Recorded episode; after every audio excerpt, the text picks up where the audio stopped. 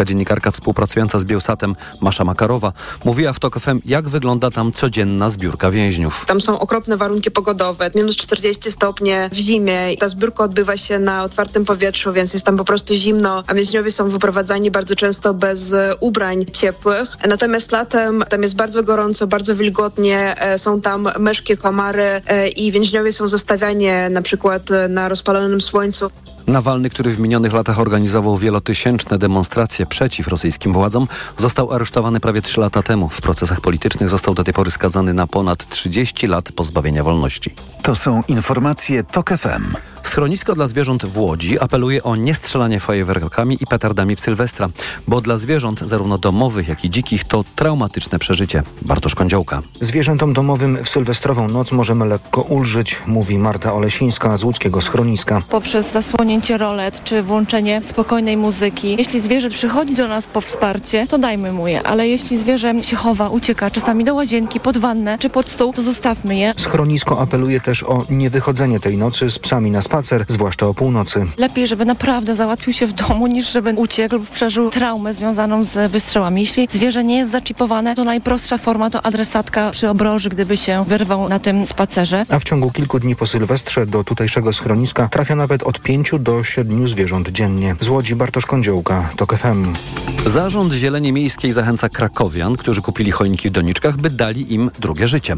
Po nowym roku świąteczne drzewka będą mogły trafić do krakowskich lasów w ramach Akcja Choinka. Jak mówi Żaneta Kołodziej, żeby drzewko doniczkowe nadawało się do zasadzenia, trzeba na nie, o nie odpowiednio zadbać. To znaczy, nie przegrzewamy takiego drzewka, e, podlewamy. Podłoże musi zostać delikatnie wilgotne. Ważna rzecz, zanim do nas takie drzewko trafi, bardzo prosimy, aby wystawić je na balkon. Po prostu trzeba je zahartować. A drzewka będzie można oddawać od 8 stycznia do 4 lutego. Kolejne informacje o 15.20, a już teraz prognoza pogody. Pogoda. Po południu i wieczorem dużo chmur w całym kraju. Mogą pojawić się słabe opady deszczu, a w Tatrach spadnie śnieg.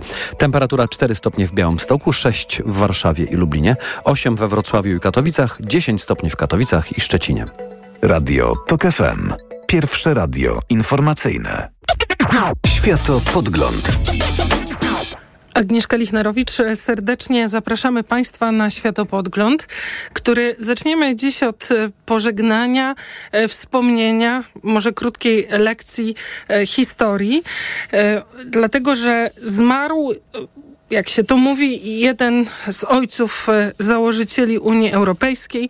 W każdym razie, jak to ujął kanclerz Niemiec, architekt Unii Europejskiej takiej, jaką ją dziś znamy, czyli Jacques Delors, który był szefem Komisji Europejskiej od 85 do 95 roku. Trzy kadencje najdłużej w historii.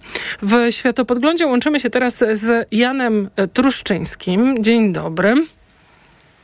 Dzień dobry. Jan Truszczyński był ambasadorem RP przy Unii Europejskiej, głównym negocjatorem polskiego członkostwa w Unii Europejskiej, też wiceministrem spraw zagranicznych.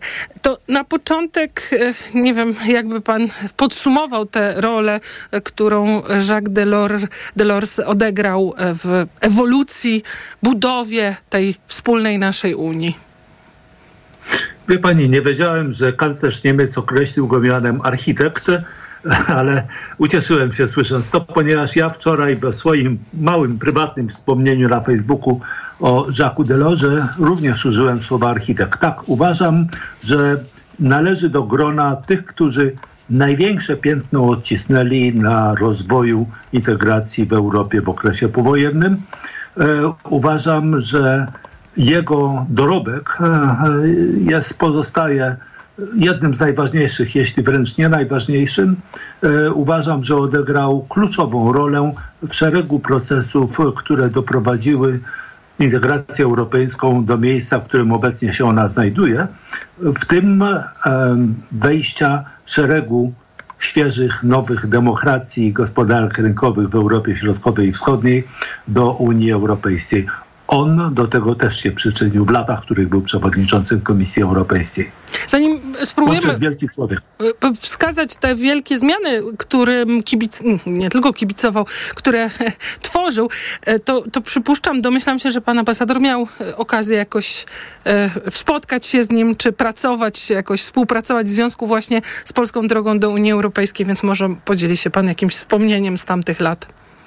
Ja byłem podówczas względnie młodym jeszcze dyplomatą, e, człowiekiem, który obsługiwał polityków e, i jako taki obsługujący polityków istotnie miałem do czynienia z osobą Jacques'a Delora, ale jako członek delegacji, czy też jako tak zwany note-taker, zapisywacz rozmowy, kilkakrotnie przynajmniej w okresie między 89 a 93 rokiem. E, I wspominam go podobnie jak bardzo wielu z jego urzędników z Komisji Europejskiej, Europejskiej, wielu z których znałem osobiście przecież, e, jako człowieka będącego człowiekiem o krystalicznej moralności. Odpowiedzialności za słowo i za czyn e, człowieka, który pracował, można powiedzieć, 24 godziny na dobę, 7 dni w tygodniu, a przynajmniej taką miał renomę, człowieka, u którego słowo dane znaczyło bardzo dużo. Człowieka, który interesował się tym, co dzieje się w, po wschodniej stronie Europy, począwszy od wiosny 1989 roku, kiedy Tadeusz Mozywiecki przyjechał z pierwszą swoją wizytą do instytucji europejskiej w końcu stycznia 90 roku, była oczywiście zaplanowana jako pierwszy punkt rozmowa z Jacques'em Delorem, no i była ona na tyle głęboka i na tyle wielotematyczna, że obaj panowie i to z inicjatywy Delora postanowili spotkać się, chociaż nie było to przecież planowane, następnego dnia jeszcze raz. I do tego też doszło, e, no, no, łatwo im było, dlatego że oboje wychodzili z pnia e, chrześcijańsko-demokratycznego o posmaku socjalistycznym. Ja nawet bardziej czytałam, że był konserwatywnym socjalistą. O. No tak, zaczynał w młodzieży katolickiej, notabene w czasie swojej, swojej działalności społecznej i na rzecz Europy e, w młodzieży katolickiej, ale e, jednocześnie o, powiedziałbym, ukierunkowaniu socjalistycznym.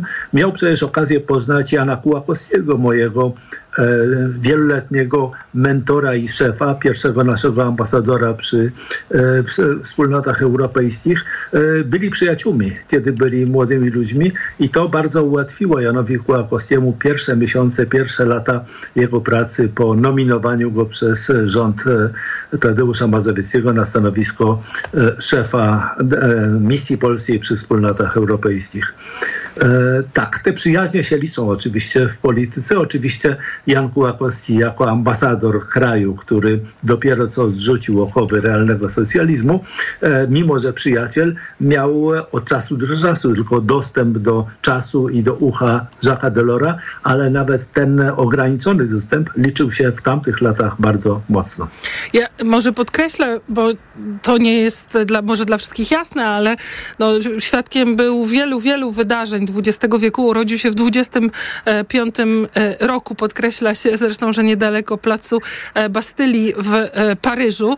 No i właśnie, jak rozumiem, pochodził z rodziny o takim przechyle bardziej socjalistycznym, ale udzielał się właśnie w związkach katolickich, też zawodowych, druga wojna światowa i to jest to, co oczywiście ukształtowało też pokolenie, zwłaszcza zachodnich Europejczyków. No a został szefem Komisji Europejskiej w tych kluczowych też latach 85-95, czyli kończy się zimna wojna, upada mur państwa E, tej, część państw z tej części świata wchodzi na ścieżkę do Unii Europejskiej. Mówimy, że był architektem. Jednolity rynek, w, w dużej no części euro, jakoś Schengen i jakoś e, Erasmus. Ale proszę podsumować, wskazać co najważniejsze. No cóż, myślę, że jednolitego rynku nie byłoby bez e, aktywności Jacques'a Delora, który osobiście jeździł i przekonywał szefów państw i rządów ówczesnych dziewięciu krajów członkowskich, e, dziesięciu od kiedy Grecja stała się również e, krajem członkowskim, dziewięciu, przepraszam, co się dziesięciu. E, nie byłoby tego bez, nie byłoby bez działalności osobistej Jacques'a Delora. Kilka bowiem krajów, Dania, Wielka Brytania, Grecja, Irlandia, e, miało duże wątpliwości, czy odchodzić od zasady jednomyślności na rzecz e, głosowania większością kwalifikowaną w budowie tego przyszłego jednolitego rynku.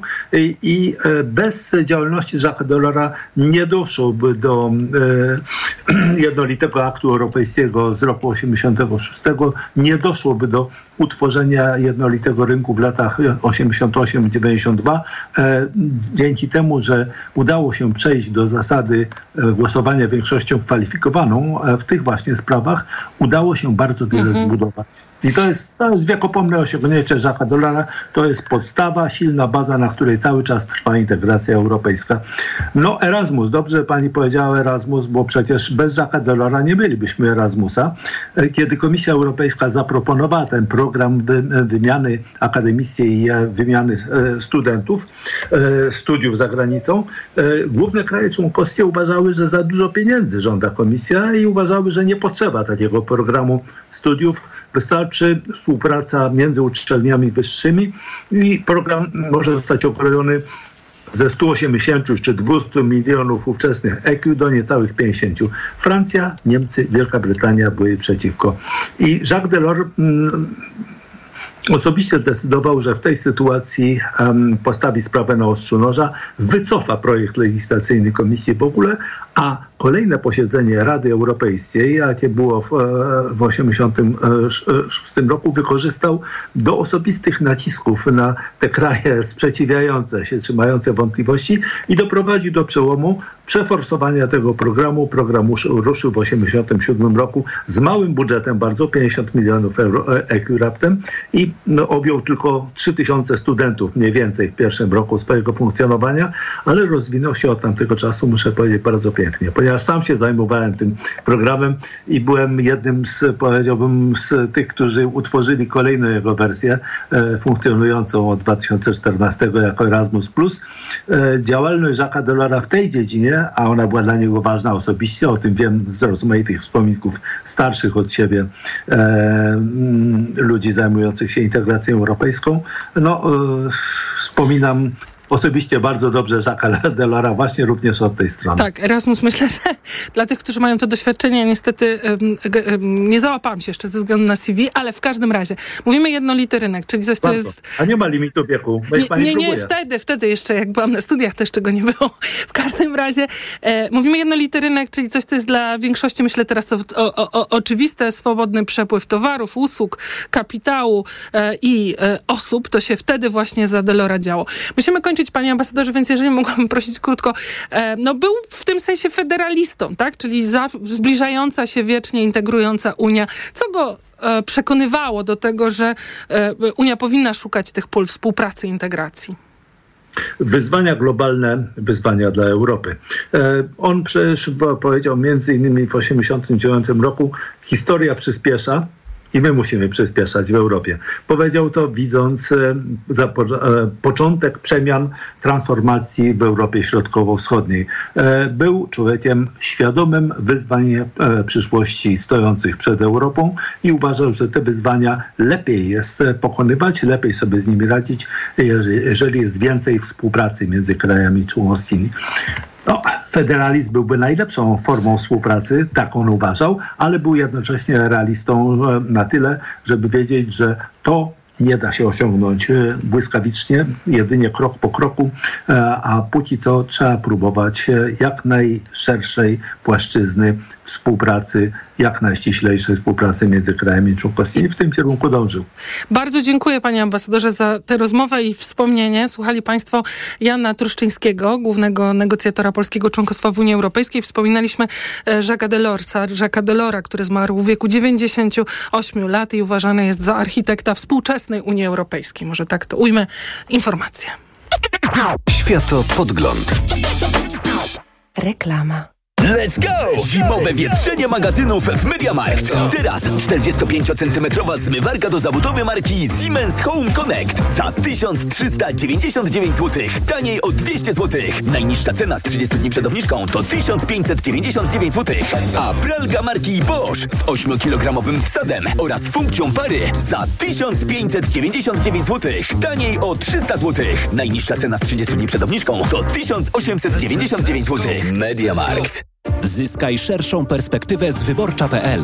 W co inwestować, a na czym oszczędzać? Co oglądać i czego słuchać? Komu zaufać w kwestii przyszłości? Czyli wszystko, co musisz wiedzieć w 2024 roku. Sprawdź teraz na wyborcza.pl. Marian, a Ania, wiesz, ta co w szkole uczy, pytała, gdzie najlepiej zrealizować bond dla nauczyciela na zakup laptopa. No jak to, Barbara? W Media Expert mają ponad 90 modeli laptopów dla nauczycieli i dodają prezent o wartości nawet 600 zł. Za złotówkę? No za złotówkę. A do tego to pewne i sprawdzone miejsce ze wszystkimi niezbędnymi gwarancjami. A MacBooki mają? Barbara, mają, no oczywiście, że mają i wszystko w super cenach. Więcej w sklepach i na mediaexpert.pl. Kaśka, to ty? Tak. Ale schudłaś. Stosujesz jakąś dietę? Nie, stosuję tabletki na wątrobę Hepa Slimin. Zobacz, wątroba spisuje się wspaniale i jem wszystko, choćby czekoladę. Widzę, że Hepa Slimin wspomaga też utrzymanie smukłej sylwetki. To tylko taki słodki dodatek. Przecież ja nie muszę się odchudzać. Pewnie, że nie. To ja też będę brać Hepa Slimin. Chcesz mieć słodkie życie bez diety? Chcę mieć zdrową wątrobę. Suplement diety Hepa Slimin w trosce o wątrobę i smukłą sylwetkę. Mate pomaga w utrzymaniu prawidłowej masy ciała, a cholina wspiera funkcjonowanie wątroby. Aflofarm. Wyrafinowany, widowiskowy, stylowo niezrównany, spektakularny Range Rover Velar. Dostępny w wyjątkowej ofercie dla przedsiębiorców z atrakcyjną ratą od 2698 zł netto, pakietem wyposażenia biznes, ubezpieczeniem za 1%, pełną opieką serwisową przez cały okres użytkowania oraz pięcioletnią gwarancją. By poznać szczegóły, odwiedź salon Land Rovera. Zapytaj też o modele dostępne od ręki w wyjątkowo korzystnych ofertach. No, Barbara, święta, święta, a po świętach... Czyszczenie magazynów Media Expert. Wielkie czyszczenie magazynów w Media Expert. Na przykład Apple Watch 7. Najniższa cena z ostatnich 30 dni przed obniżką 3499 zł. Teraz za jedyne 2799. Z kodem rabatowym taniej aż o 700 zł. Reklama. Radio TOK FM. Pierwsze radio informacyjne. Informacje TOK FM. 15.20 Konrad Sabal. Nadal nie wiadomo, co było przyczyną zakłóceń sygnału GPS w ciągu ostatnich dni na terenie Polski. Zakłócenia występowały na wschodzie kraju, m.in. w Siedlcach, Białymstoku i Bielsku Podlaskim.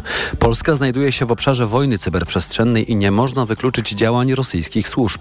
Mówił w TOK FM były szef wojskowych służb informacyjnych generał Marek Dukaczewski. Można opanować kraj nie wchodząc na jego terytorium. Można opanować e, system zarządzania krajem poprzez dostęp do jego cyberprzestrzeni, niewłaściwie zabezpieczonej. Są wyspecjalizowane jednostki wojskowe na terenie Rosji, Białorusi, e, w Korei Północnej, w Chinach, które zajmują się tego typu zadaniami.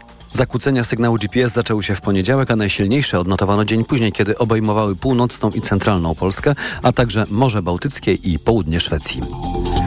Największy konflikt europejski od 1945 roku to wojna w Ukrainie, a także walki między Izraelem a Hamasem, które zwiększają prawdopodobieństwo rozlania się konfliktu na inne obszary Bliskiego Wschodu. Taką opinię zamieszcza w dzisiejszym wydaniu Financial Times. Dziennik informuje, że w tej chwili na świecie toczą się 183 konflikty zbrojne.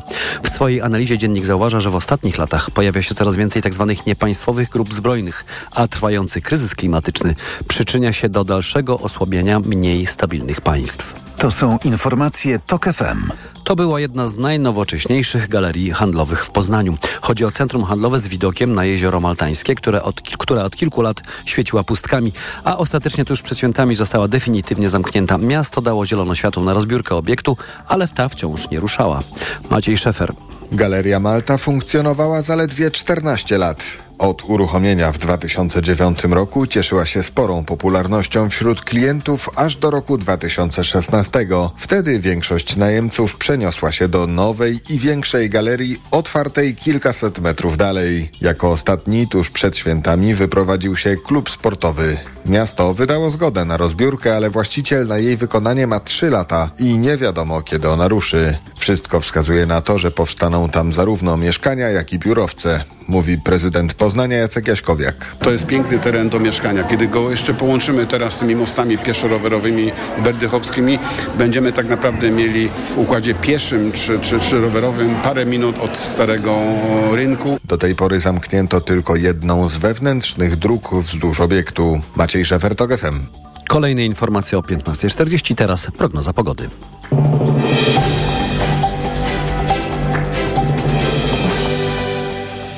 Sponsorem programu jest właściciel hotelu Dolina Charlotte Resort Spa, organizator ferii zimowych nad morzem. Pogoda. Po południu i wieczorem dużo chmur w całym kraju. Mogą pojawić się słabe opady deszczu, w Tatrach śnieg. Temperatura od 4 stopni w Białymstoku do 10 w Krakowie i Szczecinie. W nocy nadal sporo chmur, ale możliwe są przejaśnienia. Na termometrach chłodniej od 0 stopni we Wrocławiu, przez 3 w centrum i 5 stopni na zachodzie i nad morzem. Sponsorem programu był właściciel hotelu Dolina Charlotte Resort Spa, organizator ferii zimowych nad morzem. Radio TOK FM. Pierwsze radio informacyjne. Światopodgląd. Agnieszka Lichnerowicz w Światopodglądzie. Łączymy się teraz z profesorem Rafałem Matyją. Dzień dobry. Dzień dobry. Profesor Rafał Matyja jest między innymi politologiem, badaczem, naukowcem związanym z Uniwersytetem Ekonomicznym w Krakowie. Chciałabym, by to była rozmowa niejako podsumowująca, jeżeli nie, nie rok, te, o te ostatnie miesiące powyborcze, ale powinnam ją pewnie, tak czuję, myślę, zacząć od wydarzeń wokół mediów publicznych. Najbardziej spektakularna bitwa toczy się oczywiście wokół TVP, ale dotyczy Polskiego Radia i Polskiej Agencji Prasowej. Zwrot akcji kolejny wczoraj po południu. Minister Kultury Bartłomiej Sienkiewicz ogłosił te trzy spółki, postawił je w stan likwidacji, więc trwa walka o to, jak ta kontrola zostanie przejęta. To jest ten etap. Jeżeli spojrzeć na to z perspektywy, no nie wiem, transformacji, to znaczy tego, że te instytucje, a ta TVP najbardziej, szczególnie symbolicznie, no zostały zawłaszczone, zniszczone i tak dalej. No to jak pan ocenia, co zwraca tutaj pana profesora uwagę, jeżeli chodzi o, o, o to, jak wygląda przejmowanie mediów?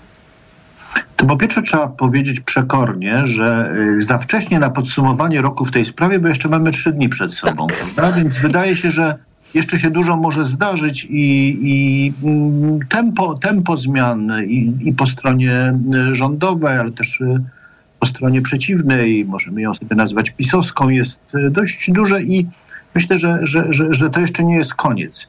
Natomiast początek tej sprawy miał miejsce dwukrotnie, to znaczy raz w 2015 roku, a raz wcześniej jeszcze w 2005, bodajże pod koniec roku, kiedy PiS po raz pierwszy powiedział, że mechanizm, który został stworzony w roku 93, czyli 12 lat wcześniej, mechanizm tworzenia władz mediów publicznych zostanie zastąpiony przez doraźną większość sejmową.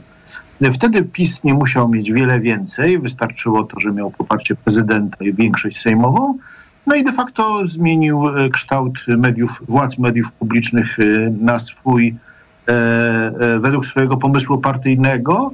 Potem rok 2015, no kiedy zrobił jakby to samo ponownie, też mając prezydenta z własnej formacji, wystarczyła większość normalna ustawowa. No i wtedy już było wiadomo, że tego się normalnie nie da odkręcić. To znaczy, że nie będzie, że nie ma już mechanizmu, e, który, który stworzono w roku 1993. No i dzisiaj mamy do czynienia z próbami zrobienia tego już no, tak, tak mniej więcej, jak to zrobił PiS. No, problem jest oczywiście taki, że prezydent jest z przeciwnego obozu, więc władze, władze nowej koalicji muszą próbować zrobić to inaczej. No ale to, jest, to nie jest Ctrl Z, to nie jest powrót do stanu e, normalnego, tylko to jest próba w ramach stanu nienormalnego działania. No, jest jaka jest, to, to widzimy, tak? Nie, wszyscy nie, nie wiemy, jak to się skończy. Czyli nie, nie, nie pokusi się pan na ocenę. Pytam w, taki, w takim kontekście, że no, niektórzy uważają, że to jest brutalne, brutalnie tak się odbywa, że, że już w ogóle podkopuje zaufanie.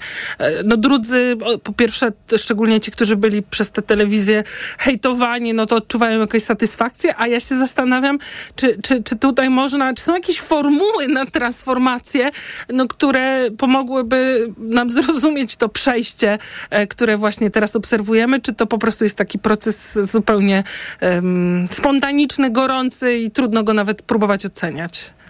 Mm, to jeżeli mówimy o tym, że można byłoby mieć jakąś formułę, no to oczywiście można by było mieć e, formułę zmian, zmian po e, rządach Prawa i Sprawiedliwości, ale legitymacja demokratyczna, jaką dostała obecna koalicja, nie jest na zmiany o charakterze e, konstytucyjnym. Tak? To nie jest on trzeci, ani nawet na takie zmiany, które można by robić, na to, żeby można było robić zmiany bez prezydenta. No więc wszystko, co się odbywa, odbywa się w takiej E, ja bym powiedział, bardzo lichej przestrzeni prawnej. E, to jest, można byłoby przyjąć dwie, dwie jakby strategie. No nic nie robić, skoro nie ma się większości, większości pozwalającej na odrzucenie weta, no to powiedzieć, słuchajcie drodzy rodacy, będziemy się męczyć z tymi mediami. No albo druga wersja, która zresztą została zapowiedziana w e, kampanii wyborczej, że rząd będzie różnymi sposobami prawnymi, wykorzystując różne możliwości prawne, dążył do zmian i te zmiany się y, rozpoczęły.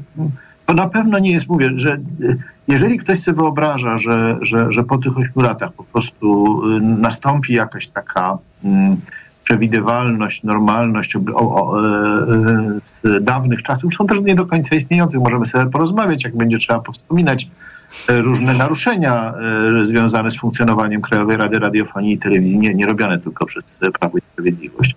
No ale to, jesteśmy w stanie, w którym e, normalnie przez te dwa lata nie będzie. To znaczy będzie próba e, rozwiązania różnych rzeczy, nie tylko w e, obszarze mediów publicznych, ale także wymiaru sprawiedliwości, Trybunału Konstytucyjnego, oparta na znacznie słabszych przesłankach prawnych, niż byśmy sobie to życzyli, żeby być usatysfakcjonowanymi obywatelami, którzy siedzą w wygodnych fotelach i mówią, no widzimy, że trwa proces przywracania rządów, rządów konstytucji. Ma pan wiarę, nadzieję, nie wiem, co pan ma, e, że jest szansa, że ta ekipa albo sama zbuduje, albo pozwoli na to, by zostały zbudowane jakieś bardziej obywatelskie i publiczne, a nie państwowe czy partyjne media? No to e, ta nadzieja jest bardzo, bardzo skromna, dlatego że ona jest oparta na tym, że bardzo trudno będzie e, zbudować w ogóle przekaz, który byłby akceptowalny dla różnych stron.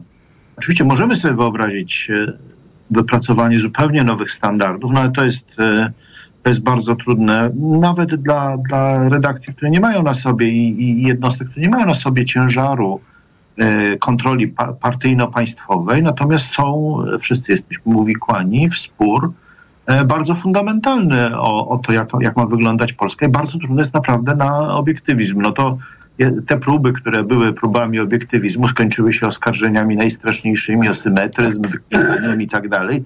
Myślę, że to bardzo, na bardzo długo um, odstraszyło część, część dziennikarzy od szukania jakiegoś, e, jakiegoś obiektywnego modelu dziennikarstwa. No i mamy z tym gigantyczny problem. Mówię, to nie jest tylko tak, że mamy problem wyizolowany dziwnej telewizji publicznej, a poza tym jest wszystko ok. Wszystkie media nabrały bardzo wyraźnego tonu tożsamościowego. Mm, dziennikarzy, o których poglądy, o których poglądach ja bym nic nie wiedział, e, jest bardzo niewiele. Tych, którzy oczywiście mówią o tych, którzy komentują e, rzecz polityczną w Polsce. No i, i tak prawdopodobnie będzie. No ja doceniam, bo, bo to też trzeba powiedzieć, różnicę między tym, co próbuje zrobić ta nowa, nowe redakcje na wiadomości programu 1930, nie nazywać, E, a tym, co e, e, robiło przez lata Prawo i Sprawiedliwość w telewizji, no ale to jest to, jest to, to, to, to z czym można wiązać nadzieję, że nie będzie, nie będzie tego, tego typu no, propagandy, szczucia, nie wiem, bo to nawet propagandą trudno było tylko nazwać, tak?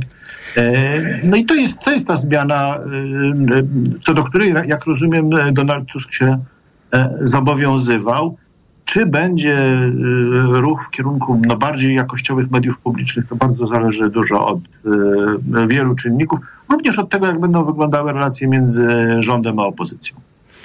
To w takim razie bardzo byłabym ciekawa Pana zdaniem, jaki powinniśmy mieć realistyczny, nie wiem, cele czy ścieżkę wyjścia z tych y, problemów strukturalnych, z którymi się zmagamy, tak? To znaczy polaryzacja, e, osłabione instytucje, no, zawsze przysłowiowego ograniczone zaufanie w społeczeństwie czy do instytucji. No jakby jak myśleć, no bo to wszystko jest, te polikryzysy mają to do siebie, że się tak splątują, że bardzo trudno myśleć o wyjściu. Więc gdyby pan miał wskazać jakiś cel średniookresowy, e, może ambitny, ale osiągalny, to w którym kierunku powinniśmy myśleć? To wydaje się, że, że część rzeczy jest e, do osiągnięcia na poziomie poza centralną polityką. To znaczy, mhm. mówię zarówno o tym, że, że można jednak próbować e, utrzymywać jakieś bardzo obiektywizujące kryteria dyskursu, a nie dolewać oliwy do ognia, to stronie komentatorów, ale też szukać takich przestrzeni, w których ten konflikt nie obowiązuje z taką bezwzględną siłą. Tak? Takim obszarem mogą być no, instytucje akademickie mogą być do pewnego stopnia instytucje samorządowe, bo e, już podziały samorządowe nie przekładają się w wielu miastach jeden do jednego na, na podział e, platforma tak? E, mogą być też wreszcie no, takie inicjatywy, które dotyczą ludzi, a nie angażują ich symbol, w świecie symbolicznym. No, w tym świecie symbolicznym konflikt jest absolutnie pewny i on w niektórych sprawach jest mm, ja powiem, dobry i normalny, to znaczy jest uzasadniony. Moim zdaniem to, że się różnimy światopoglądowo e, jest standardem e, powszechnym w różnych krajach i że będziemy mieli zmiany, co do których się nie będziemy zgadzać, e, to jest normalne. To samo dotyczy różnic ekonomicznych, trzeba je uwypuklać, a mówić, że to jest w interesie takiej albo innej grupy. Więc nie każdy konflikt trzeba zniszczyć. Ja uważam, że trzeba zniszczyć czy bardzo poważnie ograniczyć wpływ głównego konfliktu politycznego na nasze codzienne życie. To, to, to, to bym e, bardzo mocno podkreślał. No i oczywiście życie publiczne, no bo, bo to jest e, to jest jakby pewien, pewien e, konieczny standard i dlatego, żebyśmy sobie mogli funkcjonować jako społeczeństwo, ale też, żeby państwo było możliwie silne w kontekście międzynarodowym. No bo ten rok naj, w, naj, w największym stopniu dla mnie jest jednak rokiem wojny, drugie, drugim rokiem wojny jaką Rosja wypowiedziała Ukrainie. I to jest e, znacznie ważniejsze niż e, no, wszystkie problemy z mediami publicznymi. Zaraz wrócimy do tej rozmowy. Słuchają Państwo profesora Rafała Matyje. Chciałabym, byśmy zastanowili się może w tej drugiej części bardziej nad tym, co, mogłoby oznaczać albo jak osiągnąć ograniczenie głównego konfliktu politycznego w Polsce na e, nasze życie i ewentualnie też jakie, no tak, tutaj mam parę pytań, więc za, za kilka minut wrócimy do rozmowy z profesorem Rafałem Matyją, politologiem z Uniwersytetu Ekonomicznego w Krakowie. Światopodgląd.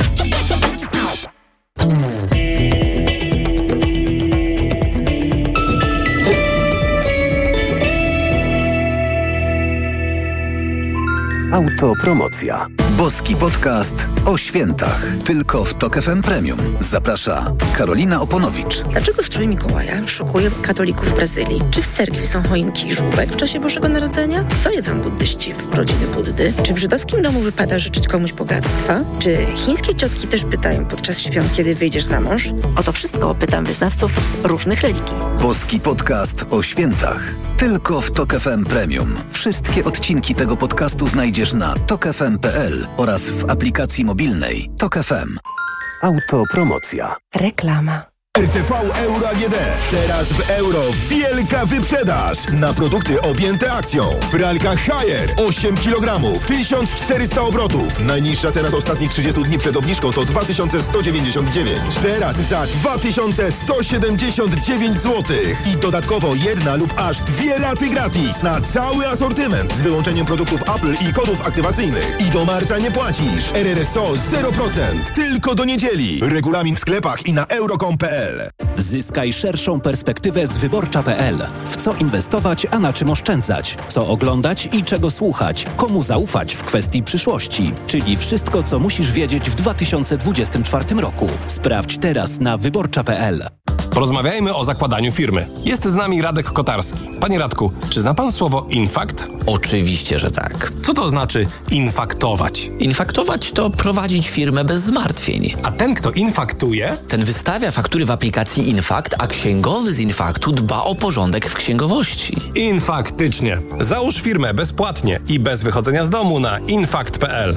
Infakt. Zakładanie firm i księgowość w jednym miejscu. Polecamy. Wodek Markowicz i Radek Kotarski. Postanowiłeś rzucić palenie? Rzuć z gumami Nicoret. Nicoret. Wsparcie Twojej silnej woli. Nicoret Classic Gum. Jedna guma do rzucia lecznicza zawiera jako substancję czynną 10 mg kompleksu 20% żywicy nikotynowej, co odpowiada 2 mg nikotyny. Wskazania leczenie uzależnienia od wyrobów tytoniowych u osób zdecydowanych na rzucenie nałogu poprzez zmniejszenie głodu nikotynowego i objawów odstawiennych występujących po zaprzestaniu palenia. Podmiot odpowiedzialny Macnil AB. To jest lek. Dla bezpieczeństwa stosuj go zgodnie z ulotką dołączoną do opakowania. Nie przekraczaj maksymalnej dawki leku. W przypadku wątpliwości skonsultuj się z lekarzem lub farmaceutą.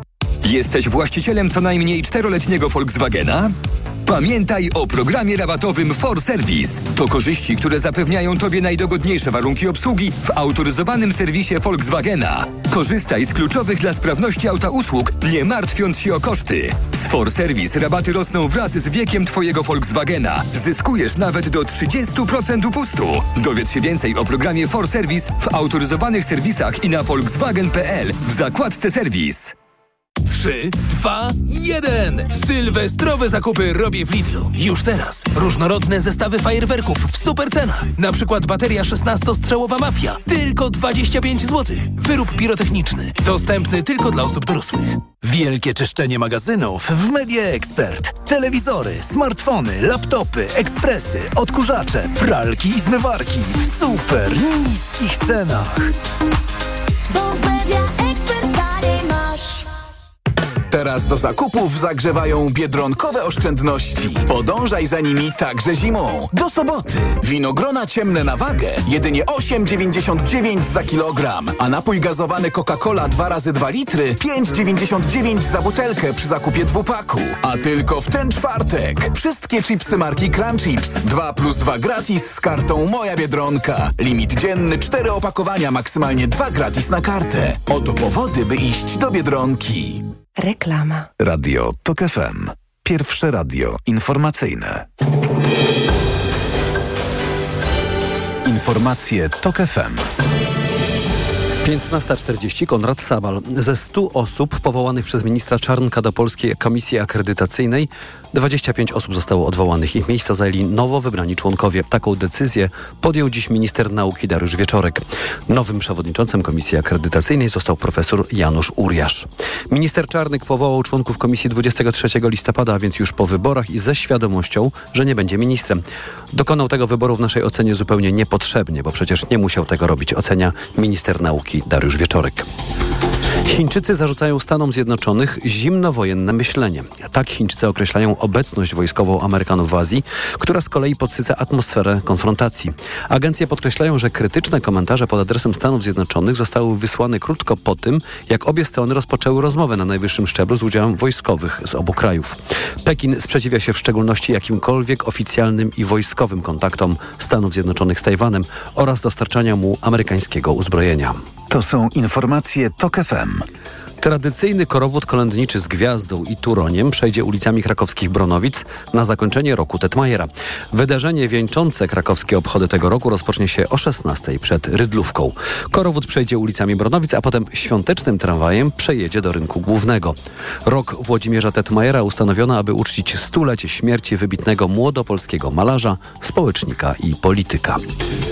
Od stycznia w ośmiu województwach nie będzie można używać tzw. kopciuchów. Nie wszędzie udało się je zlikwidować. Na przykład w Kujawsko-Pomorskim działa jeszcze ponad 120 tysięcy pieców, które nie spełniają norm. Za używanie starych kotów grozi mandat w wysokości 500 zł lub, gdy sprawa trafi do sądu, grzywna do 5 tysięcy złotych. Zdaniem Kamili Gawrońskiej-Dixon z Białego, Bydgoskiego Alarmu Smogowego samorządy powinny wprowadzić wytyczne, takie jak na Śląsku. System nastawiony jest na pomoc, nie karanie, czyli pomoc w pisaniu wniosków, wyszukaniu dofinansowania i wydaje mi się, że właśnie tego potrzebujemy realizujemy w naszym województwie. W styczniu ma odbyć się okrągły stół dotyczący skutecznego egzekwowania uchwały antysmogowej w Kujawsko-Pomorskim. Kolejne informacje o 16, a teraz prognoza pogody. Pogoda. Po południu i wieczorem dużo chmur w całym kraju. Mogą pojawić się słabe opady deszczu. W Tatrach śnieg. Temperatura 4 stopnie w Białymstoku, 6 w Warszawie i Lublinie, 8 we Wrocławiu, 10 w Krakowie i Szczecinie. W nocy nadal sporo chmur, ale możliwe są przejaśnienia na termometrach od zera we Wrocławiu do 5 stopni na zachodzie i nad morzem. Radio TOK FM. Pierwsze radio informacyjne. Światopodgląd.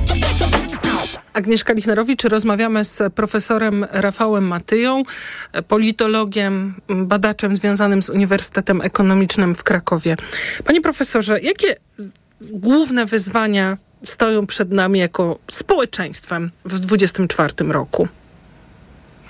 Ojej, to jest bardzo duże pytanie, bo w zasadzie ja bym e, najchętniej odpowiedział na, na to pytanie przewrotnie, że żadne jako przed społeczeństwem. Dlatego, że no, my jesteśmy bardzo różni i, są ludzie, dla których e, kluczowe znaczenie będą miały wyzwania związane z, no, nazwijmy je pokoleniowe, to znaczy związane na przykład z prawem do mieszkania, dla innych e, z zabezpieczeniem społecznym, a dla innych jeszcze bezpieczeństwem i tak dalej.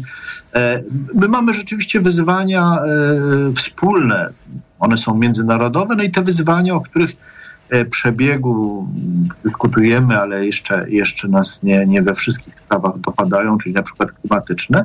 Natomiast ja bym powiedział, że to wszystko są wyzwania, akurat te dwa, o których powiedziałem, które lepiej użyć słowa, może mniej lubianego, państwo, tak? bo to są w, w, te wyzwania, na które możemy odpowiedzieć przede wszystkim właśnie dzięki instytucjom, dzięki e, ro, rozmaitym regułom e, formalnym, tak? czyli e, społeczeństwo jako takie ma bardzo niewiele, niewiele możliwości artykulacji. No jest e, z mojej perspektywy przynajmniej słabym, słabym aktorem. Natomiast oczywiście grupy wewnątrz tego społeczeństwa, zwykle grupy mniejszościowe, mają bardzo dużo do zrobienia, ale ich jest, no sami każdy z nas należy do kilku. A my będziemy w 24. Państwo będzie miało przestrzeń, żeby się tymi wyzwaniami zajmować, biorąc pod uwagę cykl wyborczy, czyli dwa razy w pierwszej połowie roku e, wybory, plus no, cała, cała historia związana z no, odbijaniem instytucji, no nie wiem właściwie jak nazywać ten proces, jakąś transformacją z e, poprzednich rządów do nowych. No jeżeli my traktujemy państwo szeroko i poważnie, to tak, to na pewno, bo to jest y, y, gra drużynowa rozpisana na wie, wiele tysięcy osób. Natomiast jeżeli mówimy o, nie wiem, Donaldzie Tusku, to ja nie wiem, na co on będzie miał czas i y, na czym będzie musiał koncentrować swoją uwagę. Y, proszę pamiętać jednak, że y, te, te duża część problemów, o które, które ma do rozwiązania państwo, w ogóle nie, nie musi być, nie musi się zaczepiać w realny sposób o wybory, o, o ten taki zgiełk, e, że tak powiem, życia, życia politycznego, e, bo jest realizowana niejako w cieniu. Bardzo dużo rzeczy przechodzi e, poza, poza uwagą, nie wiem, mediów, czy, czy nawet debaty tej na głównej sali parlamentarnej. My mamy pewną szansę, że część tych rzeczy będzie się działa w miarę rzeczywiście. To, co było pewną wadą życia politycznego w ostatnich latach, ale można powiedzieć, że do jesieni tego roku, no to fakt, że e, w zasadzie mieliśmy mm, monowładzę, to znaczy władzę jednego człowieka, którego bał się całe Prawo i Sprawiedliwość i próbowało tak prowadzić różne polityki, żeby się mu przypodobać. Natomiast y, w tej chwili no to jest już choćby ze względu na koalicyjny układ sił, y, to państwo jest bardziej różnorodne, spluralizowane. Mówię o, o, o tego państwa, o rodzeniu parlamentarnym, rządowym. I z natury rzeczy też będziemy bardziej o tym mogli rozmawiać z nadzieją na wpływ, no bo jeżeli są różne podmioty, ale też myślę, że będzie większe zainteresowanie polityków tych podmiotów e, różnymi opiniami, które są poza parlamentem i poza sceną polityczną. Więc mm, jest, e, moim zdaniem to będzie e, pod, wieloma względami ciekawszy rok. E, e, Natomiast e, to, to, co powiedziałem o wyzwaniach, przed jakimi staje państwo, w ogóle nie zależy, mm, w niewielkim stopniu zależy od stanu debaty publicznej w Polsce, bo e, przebieg e, konfliktu zbrojnego na Ukrainie, nie, ma, nie mamy na niego wpływu, e, podobnie jak na, moim zdaniem w tej chwili, na, na przebieg zmian klimatycznych, na przebieg e, na przykład migracji. To wszystko rzeczy, które, które od nas w niewielkim I, I w zasadzie jaki z tego wniosek jest? To znaczy, czemu pan to podkreśla?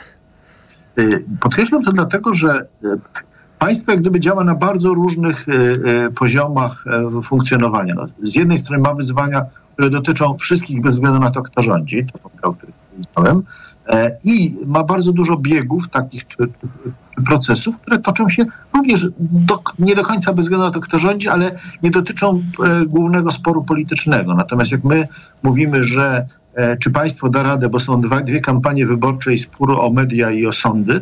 Oczywiście, że da radę, bo, bo, bo, musi sobie dać radę. Tak? Nie, nie znaczy, że przywrócimy jakiś sensowny porządek w obu tych obszarach, które są przedmiotem głównego konfliktu, no ale ehem, to nie jest tak, że państwo żyje tym, czym żyją media i tym, czym żyje y, kierownictwo tego państwa, czyli szefostwo opozycji, szefostwo rządu. No, tak się nie dzieje.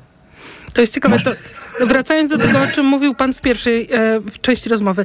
Ograniczyć główny konflikt polityczny na nasze życie i wspomniał pan o tym lokalnym poziomie. Zresztą odbędą się e, wybory e, przecież u nas e, samorządowe. Ale e, gdy mógł pan to rozwinąć, jak mo- moglibyśmy, czy powinniśmy ograniczyć ten główny konflikt polityczny na nasze życie i dlaczego mielibyśmy? Mm, Już mówię, dlatego że y, w mm, debacie publicznej, na przykład, zacznijmy od tego, y, mm, bardzo często występowało takie próba przywołania do szeregu w sprawach, w których dzisiejsza y, blok rządzący się różni. Ludzie popierający, którzy 15 października głosowali na niepisowskie formacje, się różnią bo y, nie, nie możemy o tym gadać, bo PiS jest przy władzy, nie możemy dzielić włosa na czworo i tak dalej. Takie konflikty dotyczą na przykład polityki mieszkaniowej, takie konflikty dotyczą w, dużej części spraw związanych z napięciem między interesami dużych metropolii a prowincji, ale takie, takie konflikty dotyczą również, y, od tego się zaczęła przecież y, w sensie takim dużej debaty publicznej, kwestii stosunku do długu publicznego.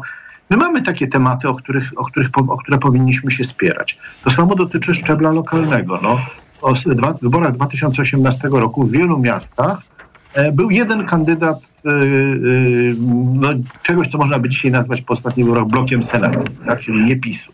No i to, to było bardzo złe, bo nie można było wobec tego wyrazić żadnego sprzeciwu wobec złego prezydenta, jeżeli popierały go e, e, pa- partie polityczne antypisowskie. No, moim zdaniem demokracja lokalna na tym cierpi, że, że ten wybór jest e, tak mocno zawężony do, do konfliktu ogólnopolskiego. Tam, gdzie to pójdzie inaczej, będzie bardzo fajnie i uważam, że, że, że, że tak, tak może być, przynajmniej na poziomie miast i gmin, no bo oczywiście sejmiki są z natury rzeczy upartyjnione i w sejmikach będziemy mieli to, cze- to, co mieliśmy, powtórkę z tego, co mieliśmy w Sejmie. Ja tam nie wzywam do jakichś specjalnych pomysłowości, tak, i tak dalej. Natomiast, y, natomiast y, tam, gdzie to jest możliwe, czyli na poziomie samorządu gminnego, samorządu miejskiego, wydaje mi się, że możemy odejść od y, prostego podziału Mhm.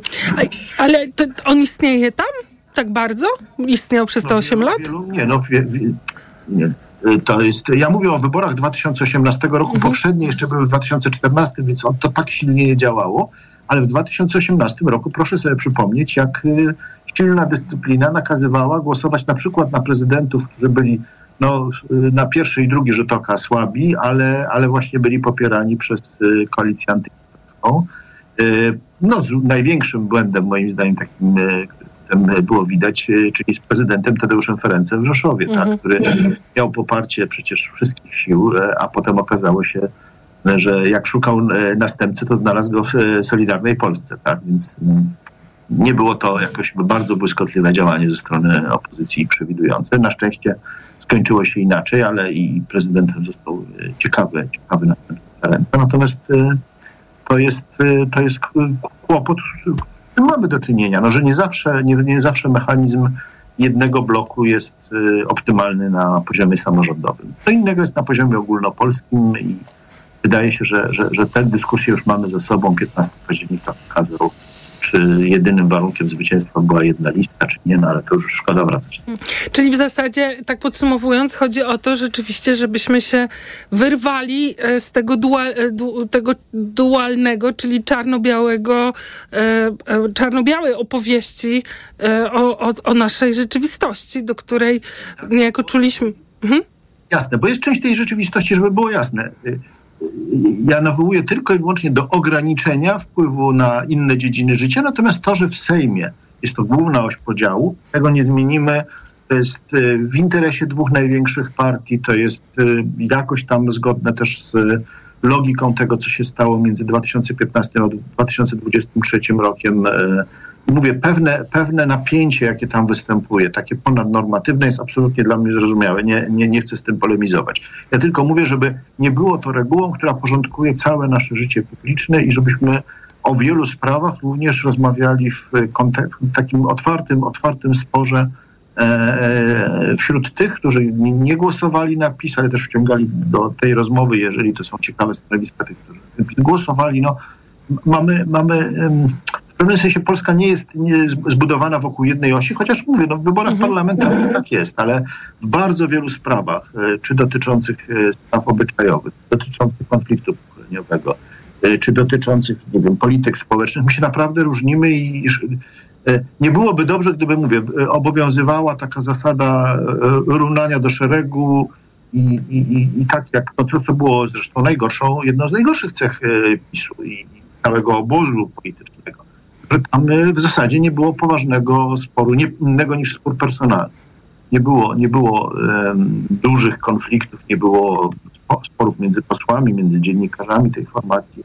E, Druga strona jest zupełnie inna, jest pluralistyczna i oby tak było jak najdłużej, bo to jest, e, to jest pewna no, zaleta.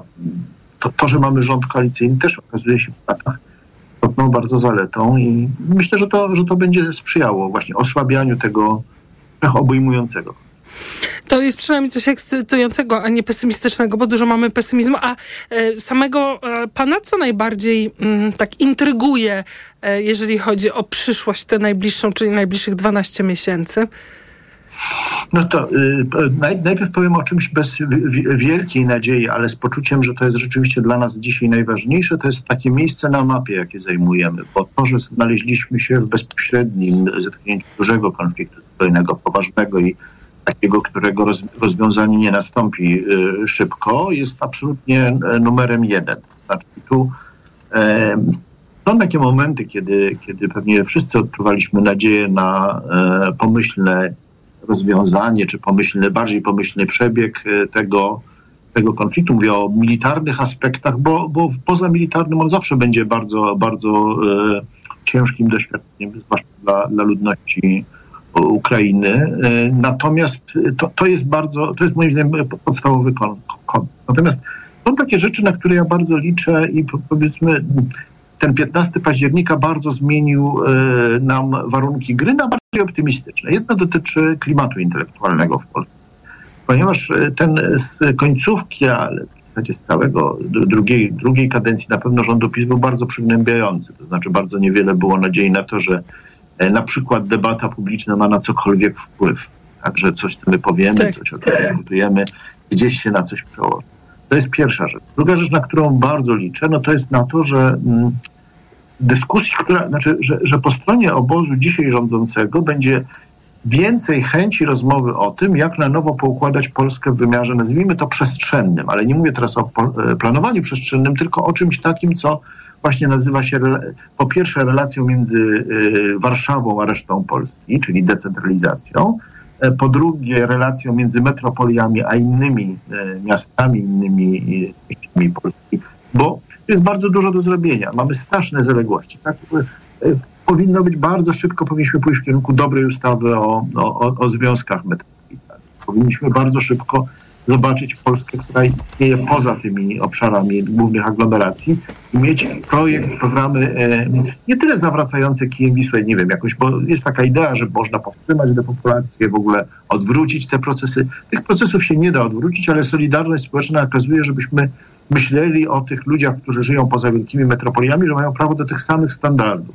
Ja, żeby nie być gołosłownym, powiem, transport publiczny powinien być e, przyzwoitym prawem e, każdego obywatela, be- bez względu na to, jak mieszka. Oczywiście jest jasne, że autobusy w Warszawie i Krakowie będą jeździć częściej, niż w miastach małych, ale nie może być tak, że gdzieś transport publiczny po prostu nie, do, nie dociera.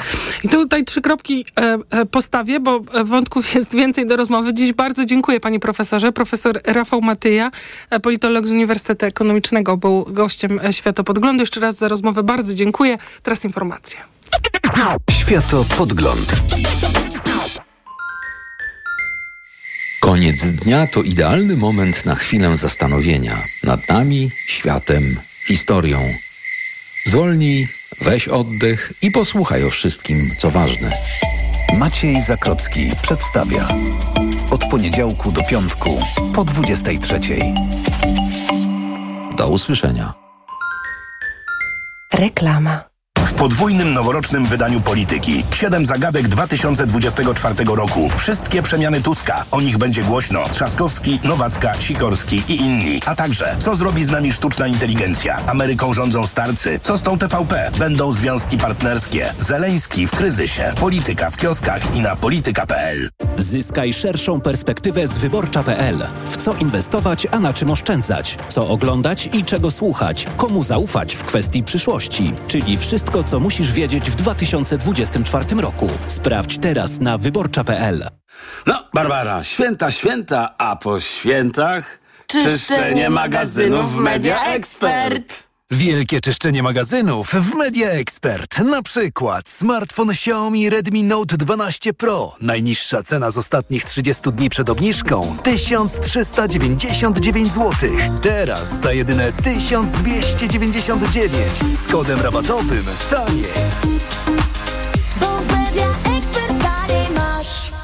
Poznaj mega sposoby na oszczędności w Rossmanie. Między innymi przeciwzmarszczkowe kremy L'Oreal z serii Ekspert Wieku. Najniższa cena z 30 dni przed obniżką 18,99, a teraz 18,49. Mega Ci się opłaca. W Rossmanie. Święta, święta i po świętach. A w Castoramie świetna, świetna i prześwietna Wielka wielka wyprzedaż. wyprzedaż w sklepach i na castorama.pl. Zniżki nawet do 80%. Tylko do 30 grudnia. Załap się na wyprzedaż. Szczegóły w regulaminie w sklepach i na castorama.pl. Marian, a Ania, wiesz, ta co w szkole uczy, pytała, gdzie najlepiej zrealizować bond dla nauczyciela na zakup laptopa. No jak to, Barbara? W Media Expert mają ponad 90 modeli laptopów dla nauczycieli i dodają prezent o wartości nawet 600 zł. Za złotówkę? No za złotówkę. A do tego to pewne i sprawdzone miejsce ze wszystkimi niezbędnymi gwarancjami. A MacBooki mają? Barbara, mają, no oczywiście, że mają i wszystko w supercenach. Więcej w sklepach i na mediaexpert.pl. Proszę, pane okulary. Warto też kupić suplement diety Maxiluten D3. Maxiluten D3? Tak, ma wysoką dawkę luteiny oraz składniki wspierające wzrok, cynk i wyciąg z róży stulistnej, a dodatkowo również wysoką dawkę witaminy D3. Maxiluten D3 Aflofarm. Dowozimy zakupy do domu, do mamy, do pracy. Nowość. Zrób zakupy online na sklep stokrotka.pl i wybierz dostawę kurierem. Oszczędzaj czas ze Stokrotką online. Czy pierwszy milion trzeba ukraść? Czy pieniądze lubią ciszę? Odpowiedzi na te pytania mogą być różne. W programie Biznes Klasa zadamy je ludziom, którzy liczą się w świecie wielkiego biznesu i jeszcze większych pieniędzy. Zapraszam, Łukasz Kijek, redaktor naczelny Money.pl. Reklama. Radio TOK FM. Pierwsze radio informacyjne. Piątek 28 grudnia minęła 16.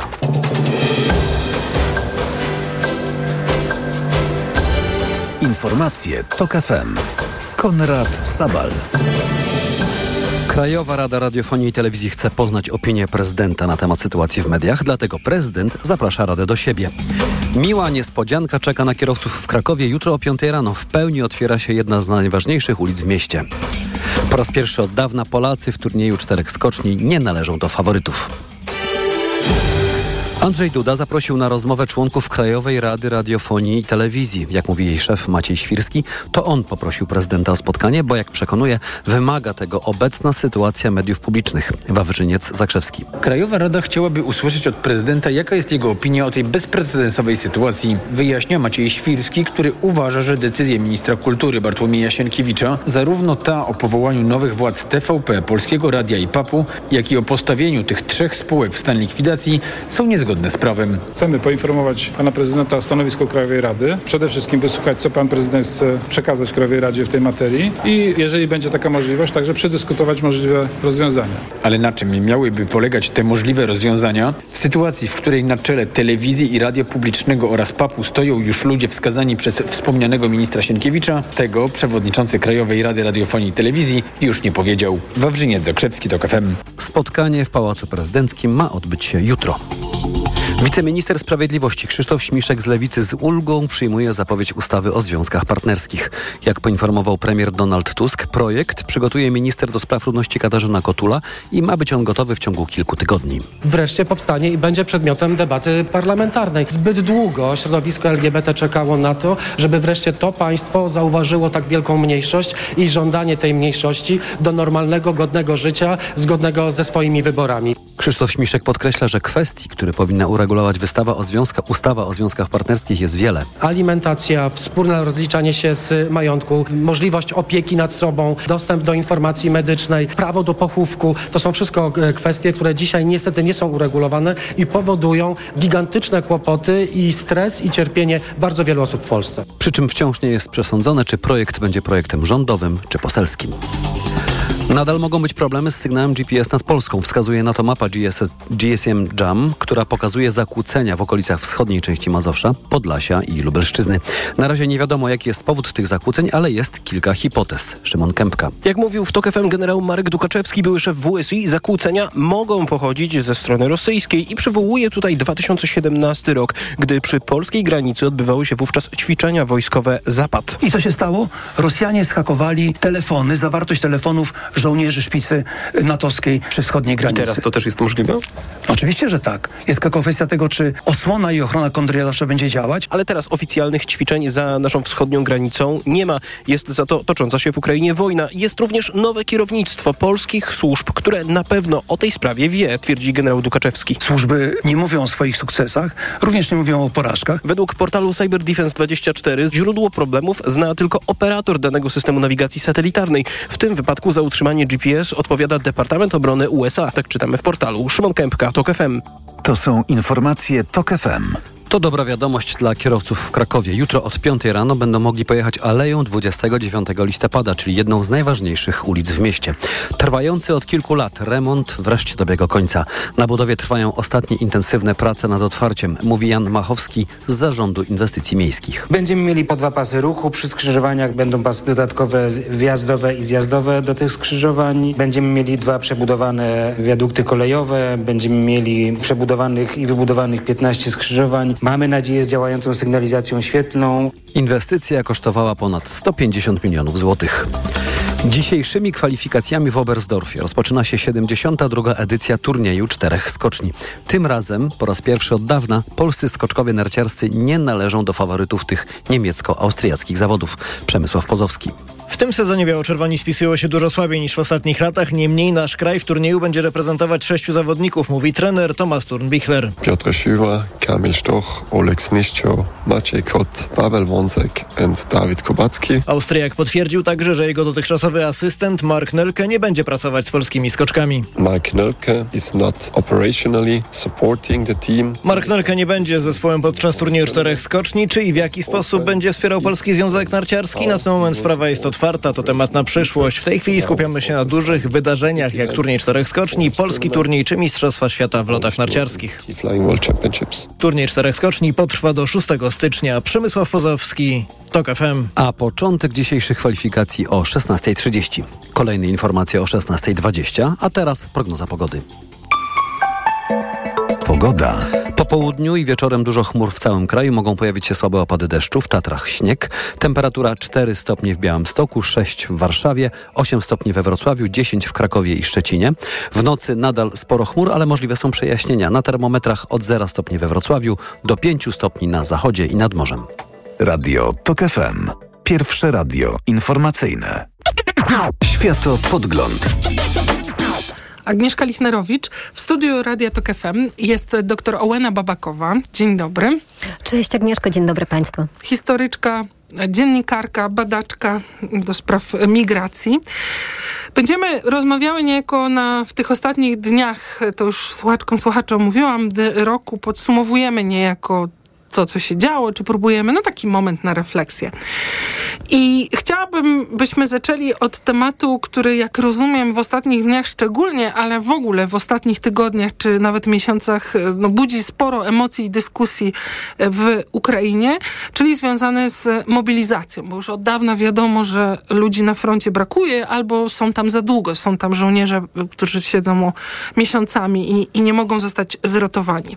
25 grudnia, więc w Boże Narodzenie, w końcu pojawił się projekt, którego, jak rozumiem, można się było e, spodziewać, który e, e, zmienia, proponuje zmianę poboru, to znaczy obniża wiek poborowego, umożliwia dostarczanie wezwania mm, do centrum rekrutacyjnego mailem, rozszerza też możliwość mobilizowania ludzi z niepełnosprawnościami, po prostu łagodniejszymi, chociaż to dotyczy, to jest bardzo duży spór. I do czego mam nadzieję nawiążemy, też przewiduje rekrutację za granicą, czyli w Polsce i w Niemczech. Nie wiem, jakie tutaj, e, czy w innych krajach, jakie tutaj są z swojej perspektywy takie wątki główne, byśmy zrozumieli no, ten dramat, czy ten dylemat, czy o co ludzie się spierają?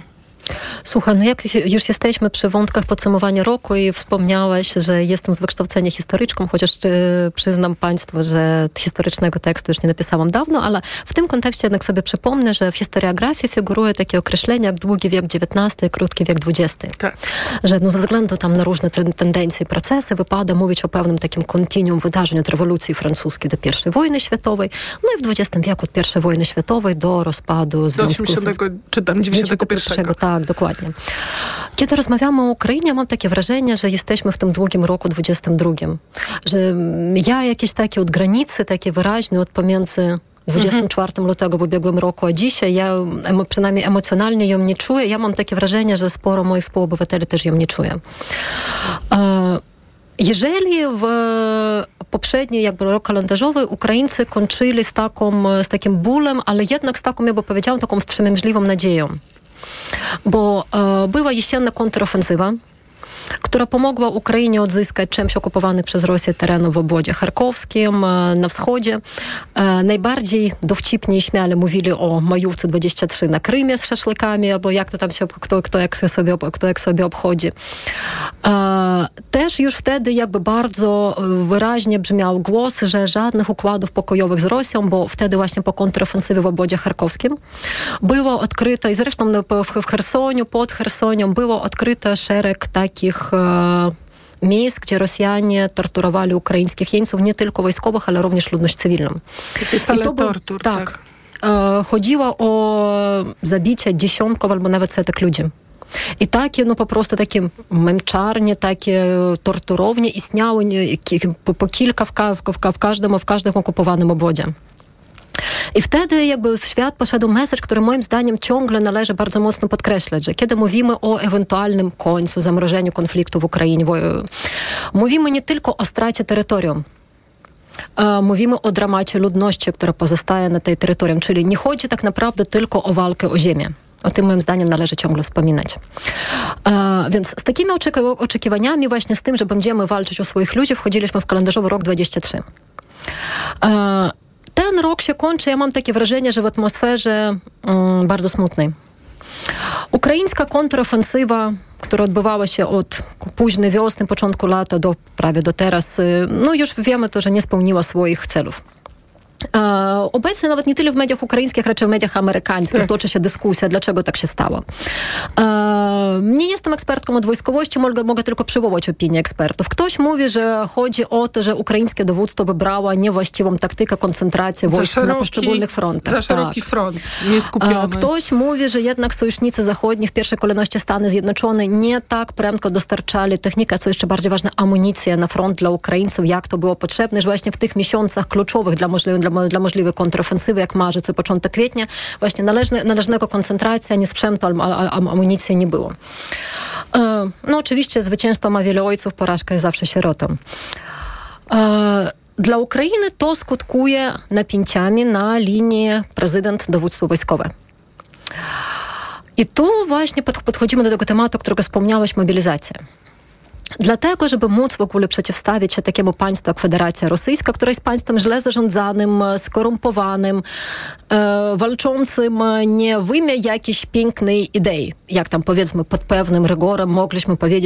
zamiłowaniu Związku Sowieckiego do komunizmu i pewnego tam idealizmu. E, tu nic takiego nie ma.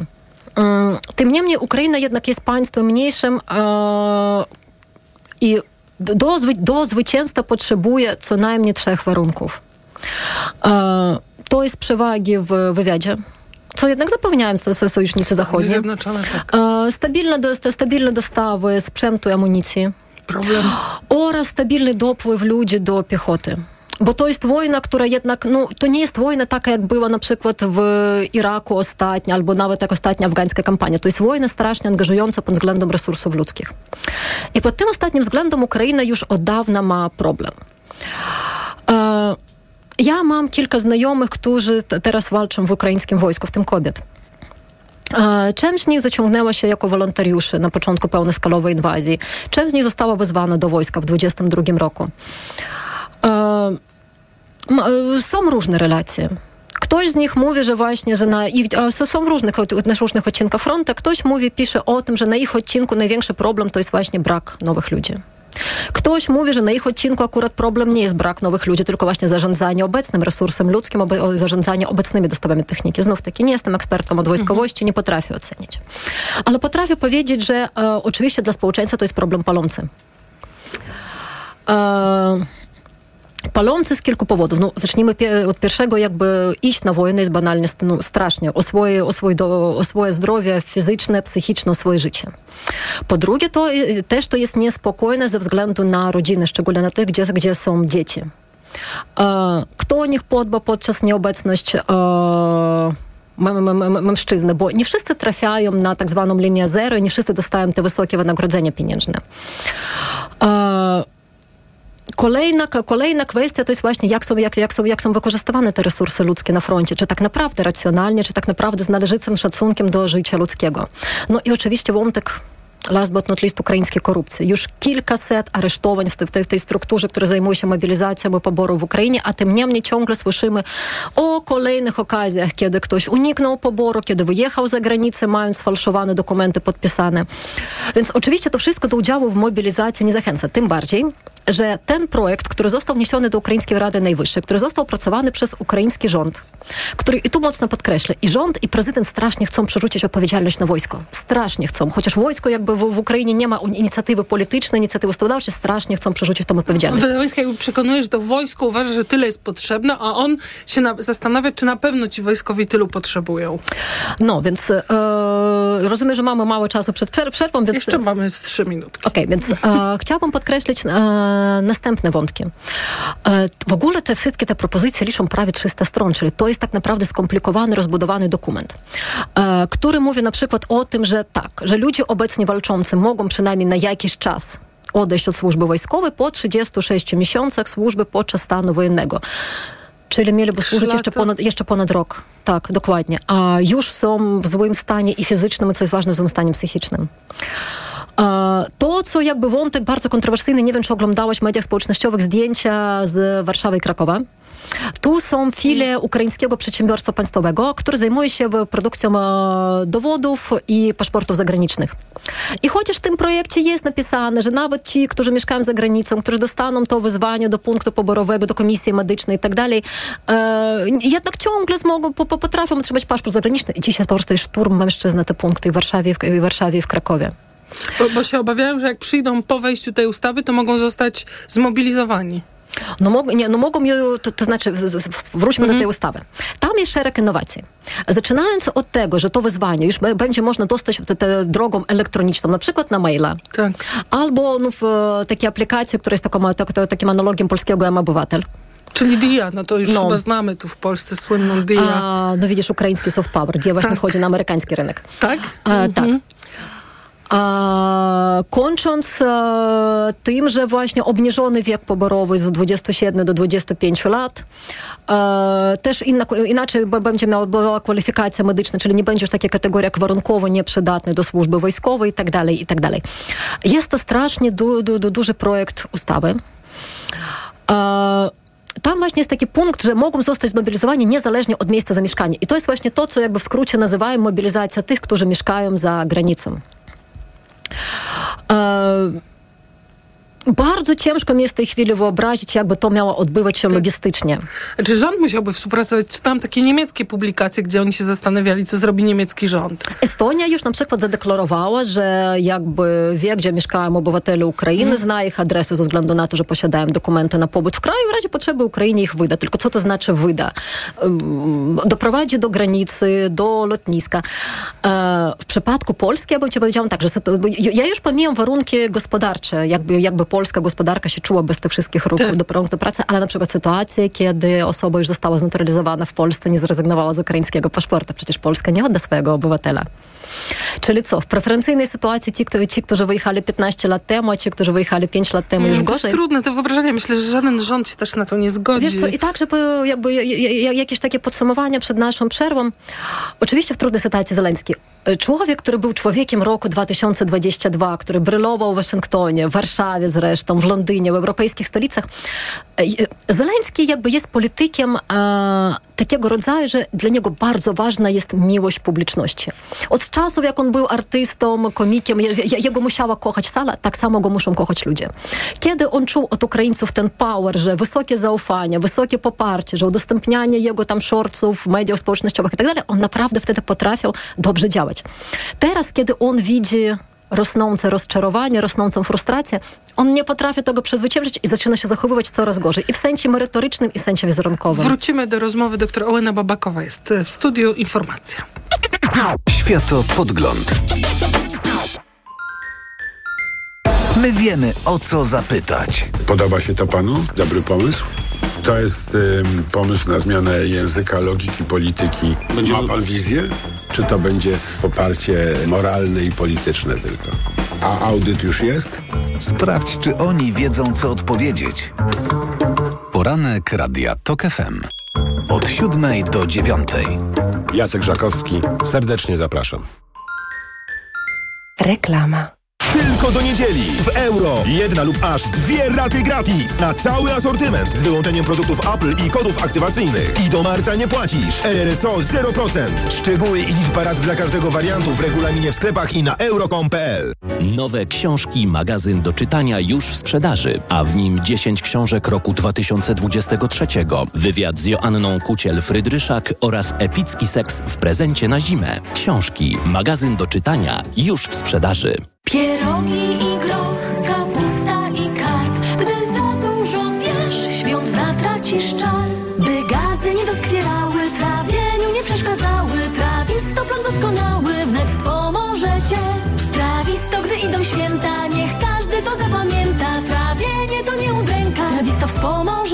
Trawisto to suplement diety, który zawiera składniki takie jak wyciąg z mięty pieprzowej, ostryżu długiego i ekstrakt z owoców kopru, który wspomaga trawienie. Trawisto. I trawisz to. Aflofarm. No, Barbara, święta, święta, a po świętach Czyszczenie magazynów w Media Expert. Wielkie czyszczenie magazynów w Media Expert. Na przykład ekspres automatyczny Siemens. Najniższa cena z ostatnich 30 dni przed obniżką 3099 zł 99 groszy. Teraz za jedyne 2599 z kodem rabatowym taniej o 500 zł. Bo w Media Expert taniej masz Signer. Kolor. Feria barw i immersyjne pejzaże epoki cyfrowej w zabytkowym Pałacu Opatów w Gdańsku Oliwie. Wielkoformatowe eksperymenty z kolorem, formą i rytmem. Na wystawę zaprasza Muzeum Narodowe w Gdańsku.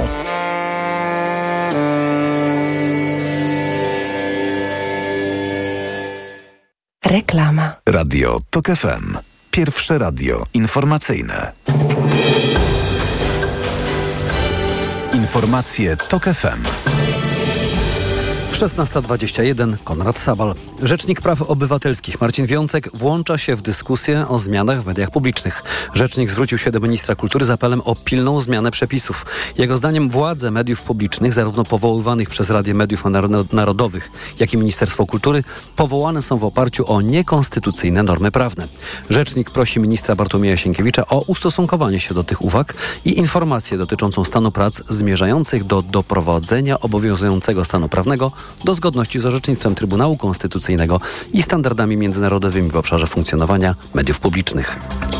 Zwiększenie współpracy z Polonią i Polakami za granicą oraz przeniesienie koordynacji tych działań z Kancelarii Prezesa Rady Ministrów do Ministerstwa Spraw Zagranicznych, gdzie kiedyś była ulokowana, zapowiada wiceminister spraw zagranicznych Władysław Teofil Bartoszewski. Jego zdaniem realizacja tego celu wymaga środków na poziomie 75 milionów złotych. Jeśli premier Hiszpanii Pedro Sánchez zgodzi się na referendum niepodległościowe w Katalonii, to dialog z rządem w Madrycie może być kontynuowany, poinformował szef katalońskiego rządu Pere Aragones. Rozmowy zostały zaplanowane na pierwszy kwartał 2024 roku, ale zdaniem katalończyków na liście tematów musi się pojawić temat plebiscytu. Przypominają również, że brak zgody Madrytu na organizację referendum niepodległościowego w 2017 roku przyczynił się do kryzysu w relacjach pomiędzy obiema stronami. Katalońscy działacze polityczni oczekują również, że władze Hiszpanii i Katalonii uruchomią odrębne negocjacje w sprawie reformy finansowania tego regionu. To są informacje TOK FM. Mieszkańcy Torunia i turyści zapłacą więcej za parkowanie w strefie płatnego parkowania. Podwyżki wchodzą w życie 1 stycznia. Dziś w śródmiejskiej strefie płatnego parkowania, czyli w obrębie toruńskiej starówki, za pierwszą godzinę trzeba zapłacić 6 zł i 20 groszy. Od 1 stycznia będzie to już 7 zł i 30 groszy, mówi rzeczniczka Miejskiego Zarządu Dróg Agnieszka Kobos-Peńsko. Przypomnę, że w strefie śródmiejskiej, czyli w ścisłym centrum opłaty pobieramy także w soboty, Należy je regulować w godzinach od 8 do 18. To nie ulegnie zmianie. W strefie A za godzinę parkowania opłata wynosi 3 zł i 50 groszy, będzie teraz 4 zł, a w strefie B, czyli najbardziej oddalonej od starówki, jeszcze jest to złotówka i 60 groszy za pierwszą godzinę, a będzie o 20 groszy więcej. Kolejne informacje o 16.40, a teraz prognoza pogody. Pogoda. Wieczorem dużo chmur w całym kraju, mogą pojawić się też opady deszczu, a w Tatrach śniegu. Temperatura 4 stopnie w Białymstoku, 6 w Warszawie i Lublinie, 8 stopni we Wrocławiu i Katowicach, 10 w Krakowie i Szczecinie. W nocy nadal sporo chmur, chociaż możliwe są przejaśnienia. Na termometrach 0 stopni we Wrocławiu, 3 w centrum, 5 stopni na zachodzie i nad morzem. Radio TOK FM. Pierwsze radio informacyjne. Światopodgląd. Agnieszka Lichnerowicz, Studio Radia Tok FM. Cały czas jest e, historyczka, dziennikarka, badaczka, dr Ołena Babakowa. E, rozmawiamy o tym, w czym, co roz, o czym dyskutują, o czym jest debata, o może tak, w Ukrainie, bo pewne rzeczy są oczywiste. Mm, znaczy, najważniejsza jest walka o przetrwanie, y, którą toczy armia i y, społeczeństwo, no ale potem to sprowadza się do takich szczegółów jak kwestia y, mobilizacji. Rozmawialiśmy o tym, że jest 25 grudnia pojawił się projekt poszerzający możliwości mobilizowania i szersza grupa mężczyzn i też instrumenty do mobilizowania szersze, ale rozumiem, że tak ostatecznie no, spór jest, bo, bo czytałam, że z jednej strony właśnie deputowany tam Łucenko mówi, każdy z rządu również, chociaż chociaż pół roku powinien spędzić na froncie, bo to uwiarygadnia tych, którzy potem podejmują decyzję o wysłaniu innych mężczyzn czy kobiet na front. No a drudzy mówią, że takie poszerzenie katalogu, między innymi osoby z niepełnosprawnościami, jest po prostu niezgodne z prawami człowieka. Nie wiem, czy tu jeszcze jakiś warto zwrócić uwagę, żeby zrozumieć, o, o co jest spór. Ja rozumiem, że on też jest trudny, nie każdy mówi wszystko wprost. Słuchaj, tam Lucenko proponuje coś jeszcze bardziej ciekawego, że każda frakcja parlamentarna rotacyjnie będzie wysyłała 10% swojego składu do wojska, to znaczy znów taki nie tylko na linii zero, ale również jako zwiadowcy, kierowcy, operatorzy dronów i tak dalej, i tak dalej po pół roku i w, w taki oto sposób właśnie te, ci tytułowi słudzy, na, słudzy ludu poznają mhm. jakby czym ten e, lud, w tej, czym ich państwo w tej chwili żyje.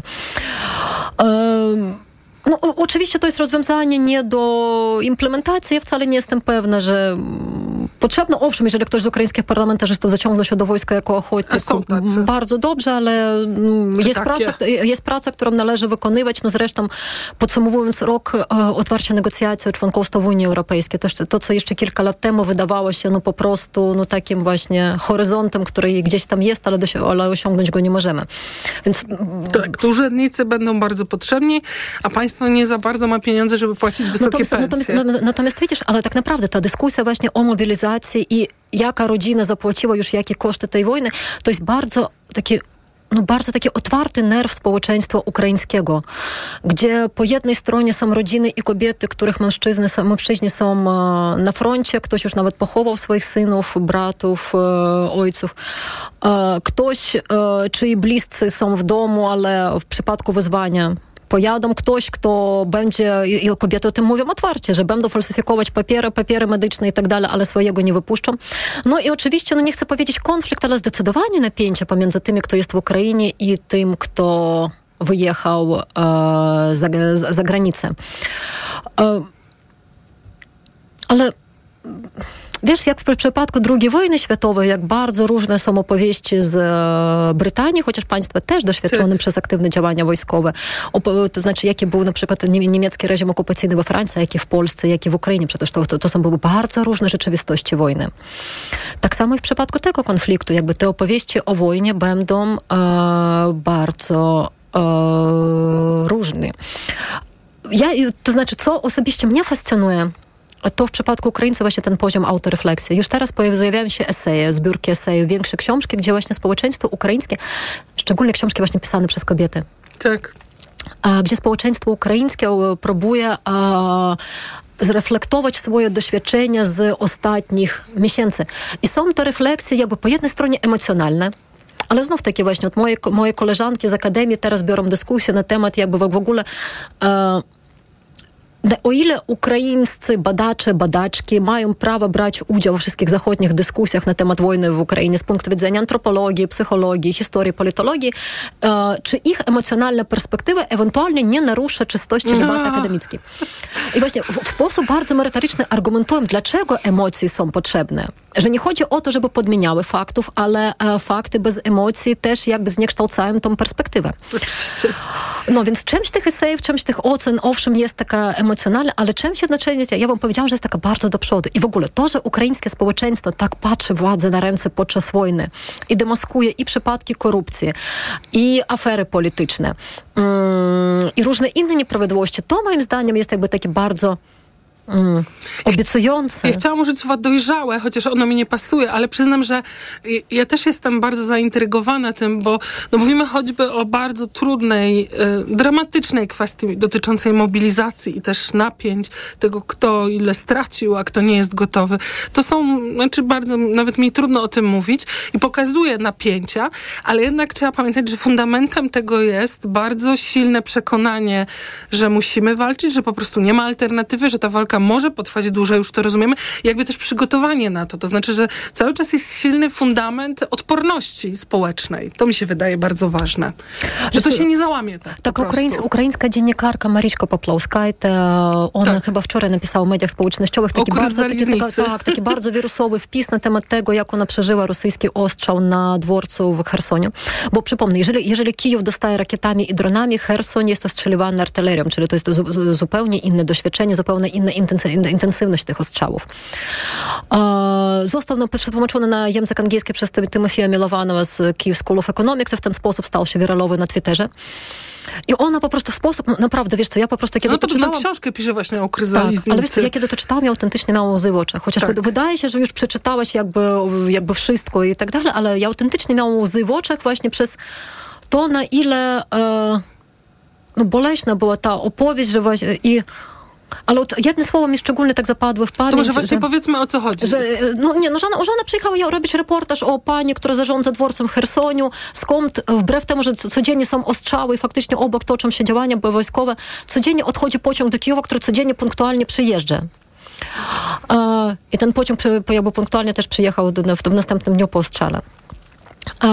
I Mariczka napisała coś takiego, że nie wybieramy czasów, w których żyjemy, ale wybieramy w jaki sposób zagospodarować swój czas i co robić w tym czasie. Więc to znaczy, ja niedawno, ja niedawno jakby spotkałam się z taką opinią, że, że Zachód jakby porzuca Ukrainę. Zobaczcie na czołówki New York Times, że rok temu pisano o tym, jak, jacy wspaniale są Ukraińcy, jak zbierają jakby pomoc tam dla zwierząt, dla starszych, dla osób niepełnosprawnych i tak dalej, a dzisiaj czołówka jest o korupcji w ukraińskich komisjach poborowych. Zgadza się. I to, I to jest prawdą o rosyjskiej agresji w Ukrainie, jak ukraińskie społeczeństwo sobie z tym radzi. To znaczy nie ma co robić z tego sielanki, że wszyscy Ukraińcy są jakby fajni, puszyści, wspaniali i, i w ogóle jakby wzorzec szewres. Ale to, że właśnie, ale to, że właśnie ciągle jakby jest ta solidarność, ciągle, że jest ta dyskusja, ciągle, że jest właśnie ta, ta, ta chęć jakby zrobienia najwięcej z tego, co możemy, no to jest takie obiecujące, to jest jakiś taki jasny promyk na rok przyszły. Tak, to jest to słowo odporność, takie ostatnio modne.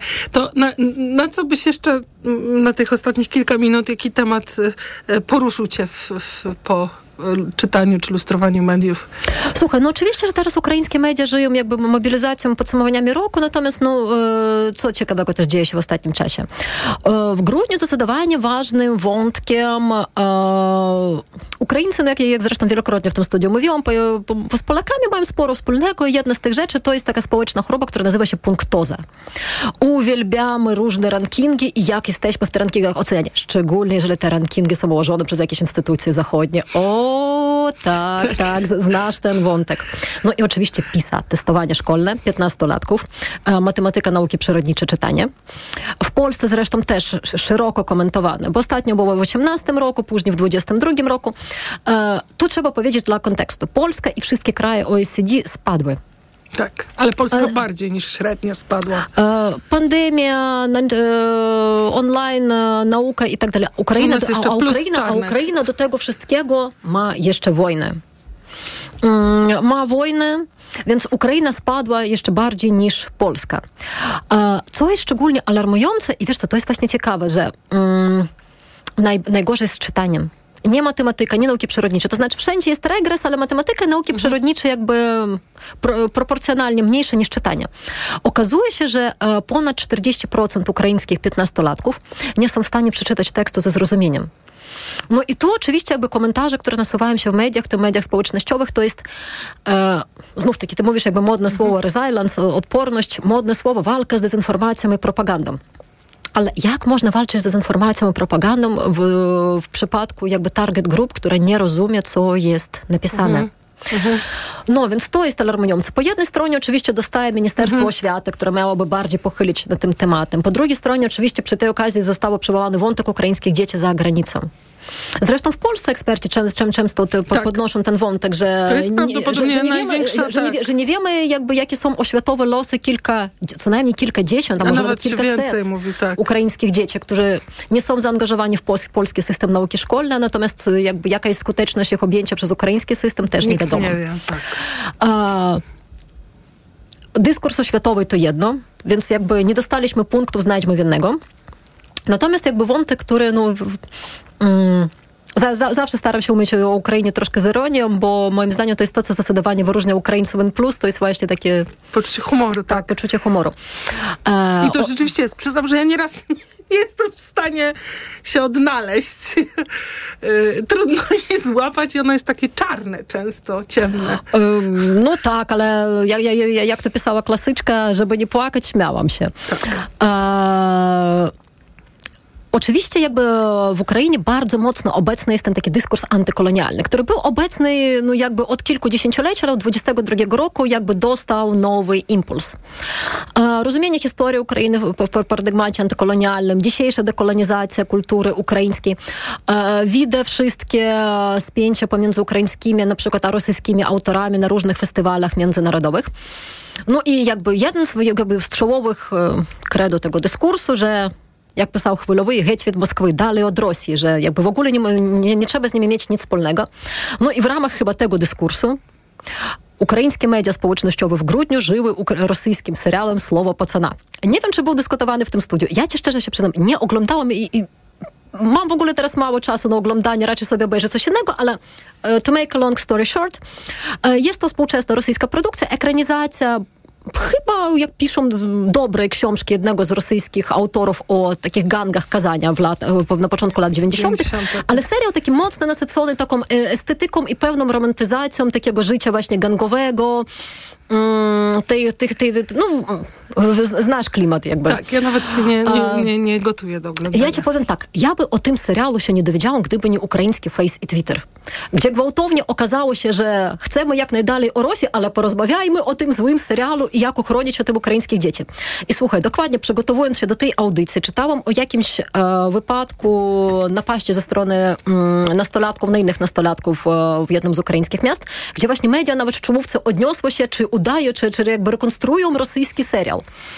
E, przypomina to ten dowcip, że trzy dni biegłam za, za państwem, żeby powiedzieć, jak, jak państwem jesteście mm. obojętni. E, no, ale no, więc, więc, więc, więc, więc, więc, więc dekolonizacja tak, ale e, szczególnie wiesz, ten, a, a, a, najbardziej aktywno ten serial dyskutowali ludzie, którzy są przeciwko obecności języka rosyjskiego w przestrzeni publicznej, w ogóle jakiegokolwiek nauczania rosyjskiej literatury. Akurat w tym ciekawym momencie, ale musimy zawiesić w takim razie naszą e, e rozmowę. Doktor Ołena Babakowa była Państwa gościnią. Bardzo dziękuję Ci za e, tę rozmowę. Dziękuję Agnieszka, wszystkiego najlepszego w nowym roku Tobie Państwu. Bezpiecznego i aż słów brakuje Usiło bardzo. Najkrasiu. Dziękuję Ci bardzo.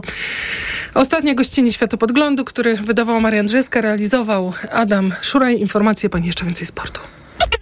Światopodgląd.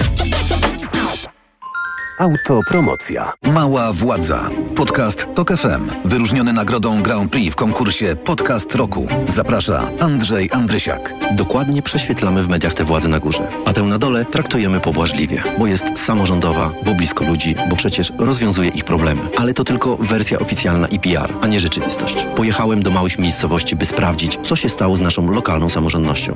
Mała władza. Tylko w TOK FM Premium. Słuchaj na tokefm.pl ukośnik władza lub w aplikacji mobilnej TOK FM. Autopromocja. Reklama. RTV Euro AGD. Teraz w euro wielka wyprzedaż na produkty objęte akcją. Lodówka Beko. No Frost. 1,87 m. Najniższa teraz ostatnich 30 dni przed obniżką to 2599. Teraz za 2449 zł.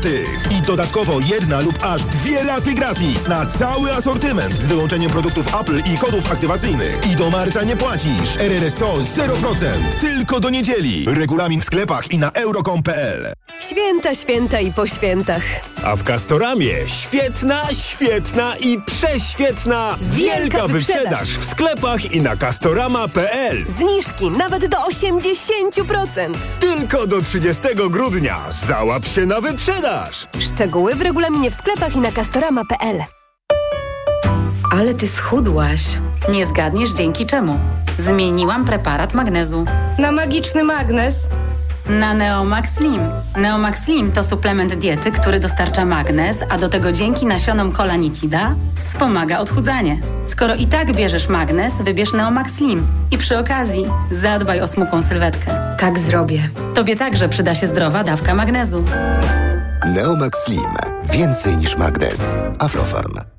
Zyskaj szerszą perspektywę z wyborcza.pl. W co inwestować, a na czym oszczędzać? Co oglądać i czego słuchać? Komu zaufać w kwestii przyszłości? Czyli wszystko, co musisz wiedzieć w 2024 roku. Sprawdź teraz na wyborcza.pl. Marian, a Ania, wiesz, ta co w szkole uczy, pytała, gdzie najlepiej zrealizować bond dla nauczyciela na zakup laptopa. No jak to, Barbara? W Media Expert mają ponad 90 modeli laptopów dla nauczycieli i dodają prezent o wartości nawet 600 zł. Za złotówkę? No za złotówkę. A do tego to pewne i sprawdzone miejsce ze wszystkimi niezbędnymi gwarancjami. A MacBooki mają? Barbara, mają, no oczywiście, że mają i wszystko w supercenach.